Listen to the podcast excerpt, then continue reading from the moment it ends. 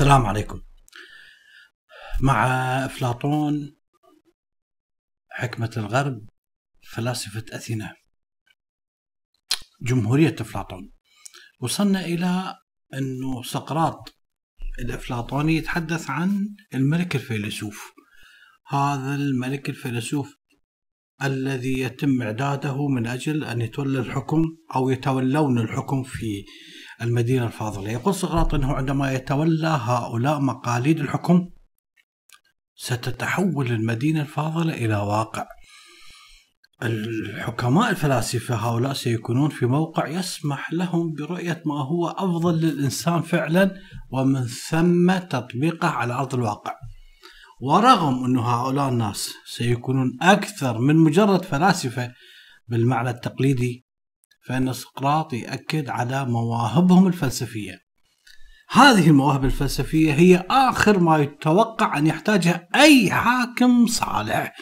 لكن مع ذلك أفلاطون يرى أنها جوهرية جدا. لذلك يحاول أفلاطون أن يوضح بشكل أكبر ما هو المقصود بالمعرفة الفلسفية. ما أهمية المعرفة الفلسفية ما أثر المعرفة الفلسفية على حكم البشر؟ هذا ما أدى إلى توظيف أفلاطون لقصة سجناء الكهف الرمزية التي سنتطرق إليها. إذا الفيلسوف المثالي في نظر أفلاطون هو من يتجاوز الأمور الدنيوية الأشياء من أجل أن يرى الطبيعة المجردة غير المتغيرة الجوهر للأشياء بمعنى المثل. إذا أمثال هؤلاء من محبي المعرفة بحق لا يصبحون إلا رجالا صالحين بقدر ما توصلوا إليه من معارف. لذلك الآن جميع الفوائد الناتجة عن المعرفة سوف تتراكم في عقل. هذا العقل معتاد على التفكير في العظمة والزمن والوجود. لماذا؟ لأنه ليس لأي نفس وضيعة أو متعصبة نصيب في الفلسفة الحقيقية أبدا لأن العقل الفلسفي عقل سامي العقل الفلسفي أسمى من تلك العقول الناقصة. وأيضا أن الفلسفة الحقيقية تشترط الفضيلة وتشجع على تطبيقها. بالتالي الفلسفة تؤدي إلى الخير أوتوماتيكيا بطريقة أخرى أكثر تجرد. إذا الثابت أن الفلاسفة يتعلمون الجهاد في سبيل الحقيقة بكل صورها. كما أن هناك آخرين يجاهدون في سبيل الله الفيلسوف يجاهد في سبيل الحقيقة. وعندما يكمل الفيلسوف رحلته المقدسة ما هو جزاءه؟ جنات النعيم؟ لا. الفيلسوف جزاء رؤية حقيقة الأشياء رؤية قمة الحقيقة الأسمى من المثل اللي هي صورة الخير أو الجمال ذاته. سقراط نفسه لا يقوم في هذا الكتاب بالجمهورية بتحديد الحقيقة هذه بالضبط لكن مع ذلك هو يقوم بذكر بعض معالمها. إذا كان مفهوم الخير في لغة ذلك العصر عند الإغريق مرتبط بمدى توافق العمل مع الوظيفة أو الغرض أو الهدف منه. بشكل عام فإن الشيء ممكن أن يعتبر صالح وجيد ونافع إذا أدى دوره المناسب أو حقق الهدف المنشود أو بلغ حد الكمال بمعنى وصل إلى أقصى. إذا من منظور أفلاطون يجب أن تكون هناك صورة تقابل الفكرة الكل الفكرة الكلية للملائمة. هذه الصورة هي جوهر الخير بالتالي. بناء عليه سوف يعرف من رأى هذه الصورة كل ما هو نافع حقا. سنرى من هو الذي سيعرف هذه الصورة. بمعنى أن من يرى الصورة من يرى الحقيقة سوف يميز بين الصالح من الخبيث. بطبيعة الحال سيكونون هؤلاء الملوك الفلاسفة نموذج لمن بلغوا تلك الحقيقة ويميزون بين الأشياء لأن دراستهم سوف تجعل منهم متخصصين في المثل بحيث تعتاد أذهانهم على كل شيء على تمييز المثل الأكثر أهمية من المثل غير المهم. هؤلاء الفلاسفة عندما يرون مثال الخير ذاته سوف يتبعونه. يتبعونه بوصف التنظيم السليم للدولة ويطبقوه. عندما يتكلم سقراط سوف يتطلع أصدقاء جلوكون وأديماتيوس أصدقاء بشكل منطقي لمزيد من الملاحظات عن هذه الصورة التنويرية التي يرويها سقراط. إذا سوف يقومون بالضغط على سقراط من أجل ذكر مزيد من خصائصها. فيقول لهم سقراط أنه صورة الخير حالها حال الشمس. صورة الخير تشبه الشمس. أهمية الشمس لا أحد ينكرها من أجل حاسة البصر بمعنى لولا الشمس لا أحد يبصر. بالضبط هي تماثل أهمية صورة الخير للعقل. بالتالي يعني بمعنى أنه مثل ما تنير الشمس الأشياء وتجعلها مرئية صورة الخير تجعلها مفهومة. إذا هؤلاء الملوك الفلاسفة الذين سوف يحكمون المدينة الفاضلة سوف يرون نموذج الخير مباشرة. تماما مثل ما يرى بقية البشر الأقل شأن الشمس الآن. هذه الصورة بالضبط مثل الشمس موجودة بشكل مستقل عنا وحتى عن آرائنا. هؤلاء الحكام الفلاسفة لا يوجد ما هو ذاتي أو قابل للخطأ في كل أفكارهم في أفكار هؤلاء الملوك الفلاسفة. بشأن مثلا النموذج الأفضل لمدينتهم هم دائما يرون الصواب ولا شيء غيره. سنرى. كيف يرون الصواب ولا يرون شيء غيره؟ طبعا مؤكد إذا أردنا أن نطبق هذا الأمر على الواقع سوف لن نستطيع أن نعثر على هكذا نموذج. لكن مع ذلك مفهوم نموذج الخير الذي يشبه الشمس اللي ضرب عنا مثل يقدم آه، صورة تحفزنا على التطلع إليه. إذا من أجل كل هذه المقدمة سوف يقوم سقراط بتقديم قصة أخرى في هذا الصدد من أجل عقد مقارنة بين المعرفة التي تكون عند أولئك الفلاسفة المفترضين الملوك الفلاسفة وبين آراء العامة. بالمناسبة سقراط يعتبر نفسه واحد من العامة. إذا يروي قصة تتناول هذه القصة اللي اسمها سجناء الكهف. تتناول هذه القصة مجموعة من السجناء يجلس بعضهم إلى جانب بعض في غرفة تحت الأرض في كهف. مقيدين بأحكام أيديهم وأرجلهم رأسهم لا أحد يستطيع أن يلتفت يمين أو يسار. فقط لا يمكنهم النظر إلا إلى حائط أمامهم يستطيعون أن يروه. فقط بعيدا عنهم يعني خلفهم توجد ألسنة نيران تمثل المصدر الوحيد للضوء المنعكس عليهم بالكهف بأكمله. بينهم وبين النيران هناك طريق. هذا الطريق يمرون بناس حاملين أشياء ايا كانت هذه الأشياء، طبعا القصة كلها افتراضية، يعني هؤلاء بالكهف هم ولدوا بهذا الكهف ويموتون بهذا الكهف، هو رمز للناس اللي ما يعرفون الحقيقة. اذا عندما يمر هؤلاء الناس إحنا ذكرنا أنه توجد نيران خلفهم يعني هم بين الناس بين السجناء وبين النيران.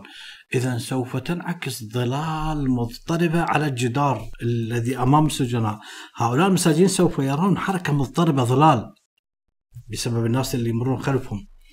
إذا سوف يظل هؤلاء السجناء مكبلين بالقيود في هذا الوضع طوال حياتهم. كل ما يرون أمامهم هو تلك الظلال المنعكسة. هم لا يرون أي شيء خلفهم. لم يروا بالتالي أي شيء حقيقي ولا حتى يستطيعون تصور وجوده.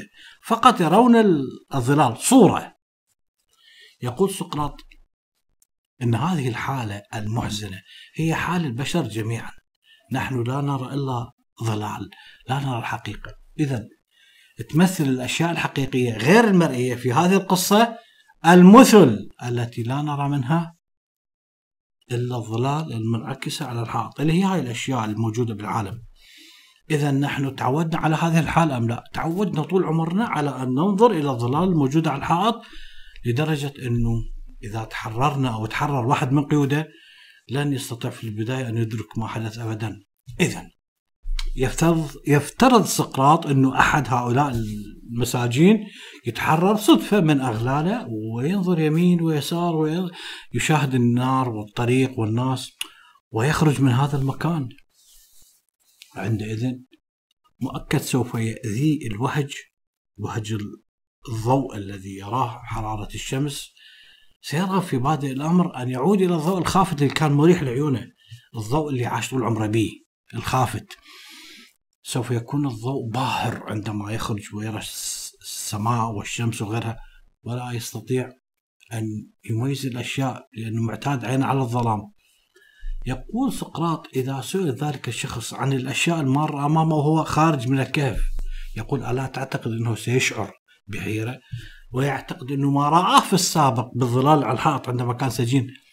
عندما كان سجين هل سوف يعتقد أنه ما راى حقيقي؟ نعم سيعتقد إنه ما كان يراه هو الحقيقي لأنه هو الآن خارج لا يرى شيء يعني بسبب إنه عيناه غير معتادتين على الضوء الساطع، الأمر نفسه يسري على البشر بالواقع بالضبط.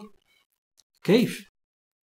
عندما يريهم سقراط الأفلاطوني المثل الموجوده خلفهم لكن عيون الناس يعني تطرف في ارتباك لا تستطيع أن ترى في هذا الوهج الساطع للشمس. سيكون اذا على السجين المحرر أن يعتاد وهو خرج من الكهف زملاء بقوا. عليه أن يعتاد البيئة المحيطة بالتدريج حتى تتأقلم عيناه مع مع ما يراه. اذا بالبداية سيتمكن من تمييز بعض الظلال الناتجة عن الشمس. سيتمكن من تمييز الانعكاسات على سطح المياه وهكذا. بعدها يبدأ تمييز الأشياء الصلبة في العالم الحقيقي هو راح للعالم الحقيقي. في الليل سوف يحدق في الأنوار الخافتة للنجوم والقمر سوف يرى كل شيء. بعدها سوف يصبح نظرة قوي جدا فيتمكن حتى أن ينظر إلى الشمس. هذا سوف يمكنه من فهم النظام الكلي لهذا الكون. عند تلك النقطة سيستنتج أن الشمس هي السبب في تنوع الفصول الأربعة فصول السنة. الشمس تشرق على كل شيء. الشمس هي اللي تحدد مجال الرؤية. هذا السجين وقتها سوف يدرك أن ما اعتاد عليه رؤيته سابقا عندما كان سجين في الكهف. هو ليست الحقيقة هو مجرد ظلال.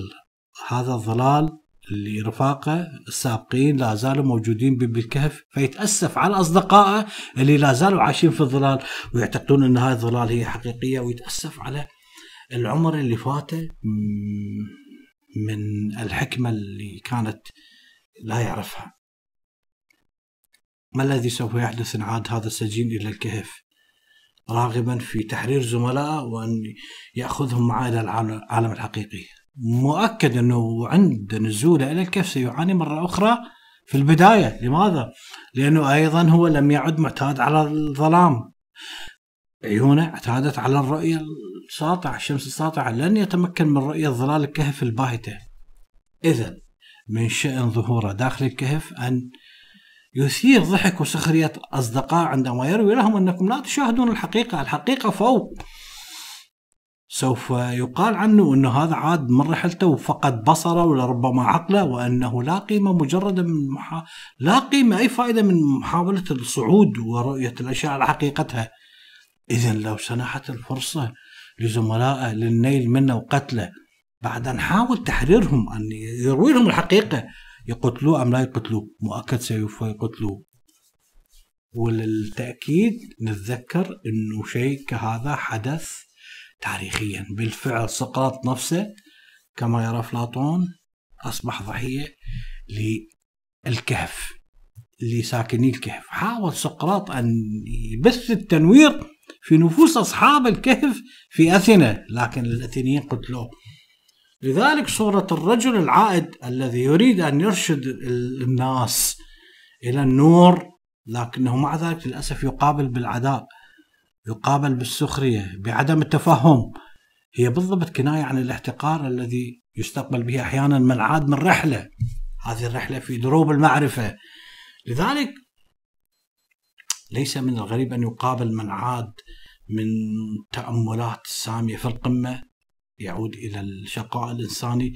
ليس من الغريب أن يقابل بالسخرية والإزراء وربما القتل. وأنه بينما يرغب وحتى لا زالت عيناه تطرف في الظلام لأنه لم يعد معتادا على على الظلام. سوف يضطر هذا الشخص إلى مواجهة ظلال العدالة في المحكمة أو في غيرها؟ ومجادلة عقول لم تعرف ما هي العدالة على حقيقتها أبدا. هذا أمر ليس غريب إطلاقا. التاريخ يروي لك عن آلاف من الأشخاص الذين حاولوا أن ينيرون الطريق للآخرين أن يبصرهم بالحقيقة لكن النتيجة كانت أنه لقوا حتفهم. إذا مصير السجين العائد في هذه القصة الرمزية التي يرويها أفلاطون في كتاب الجمهورية هو تخليد للفيلسوف العظيم سقراط الذي وقع ضحية ضحية سكان أثينا اللي بسبب حديث عن العدالة لم يجد أذان صاغيه. اذا على السجناء المحررين الذين خرجوا من هذا الكهف إلى عالم أرحب أوسع إلى القمة أن يعودوا مرة ثانية إلى الكهف. يعودون إلى كهوف البشرية من أجل أن ينيروهم للطريق الصحيح، لذلك يستمر الجدل في الجمهورية حول هذه النقطة بالتحديد. فكما انه غير المتعلمين، غير الخبراء بالحقيقة لا يمكن الوثوق بهم أن يكونوا حكام أو يستلون الحكم في الدولة أو يحكمون الآخرين. مع ذلك فإن من وصلوا إلى المعرفة الأسمى لا ينبغي السماح لهم بالتخلي عن المسؤولية. يجب عليهم نشر المس... نشر ما رأوه وما شاهدوه وتطبيقه على أرض الواقع. هؤلاء المساجين اللي تحرروا بعد أن وصلوا إلى القمم هذه القمم اللي مكنتهم من رؤية الأصوب والأفضل والأصح والعالم على حقيقته نفس الشيء يجب أن لا يسمح للملوك الفلاسفة بأن يمكثون في القمة رافضين النزول مرة أخرى إلى الكهف إلى المقيدين في الأغلال. يجب أن ينزلوا يجب أن يشاركوهم كدحهم وبؤسهم. إذا قد يبدو من القسوة إعادة الملوك الفلاسفة الذين هم في القمة قد يبدو من القسوة إعادتهم إلى الظلام بعد أن أبصروا نور المعرفة. لكن قانون جمهورية أفلاطون لا يهدف إلى استئثار طبقة معينة بالمعرفة في هذه الدولة الفاضلة بل يحاول تعميم المعرفة والسعادة على المدينة ككل. انتهت هاي الحلقة وشكرا لكم.